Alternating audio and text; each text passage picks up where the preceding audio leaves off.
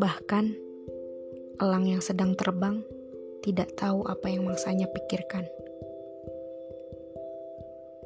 Ketika kita lelah, hal yang kita pikirkan hanyalah jawaban iya dan tidak.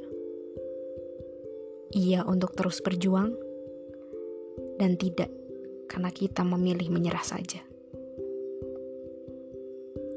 Ketika kita berpikir untuk melanjutkan perjuangan, dalam perjalanan pun kita merasakan sakit. Lalu, kenapa kita masih memilih jalan tersebut? Apa karena harapan bahwa di ujung jalan kita akan menemukan hal yang kita inginkan?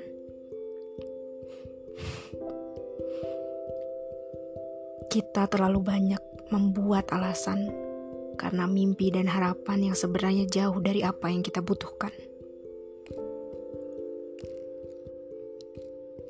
Padahal ada jalan lain yang menjawab tidak, agar kita merubah haluan dan mencari jalan yang kita inginkan.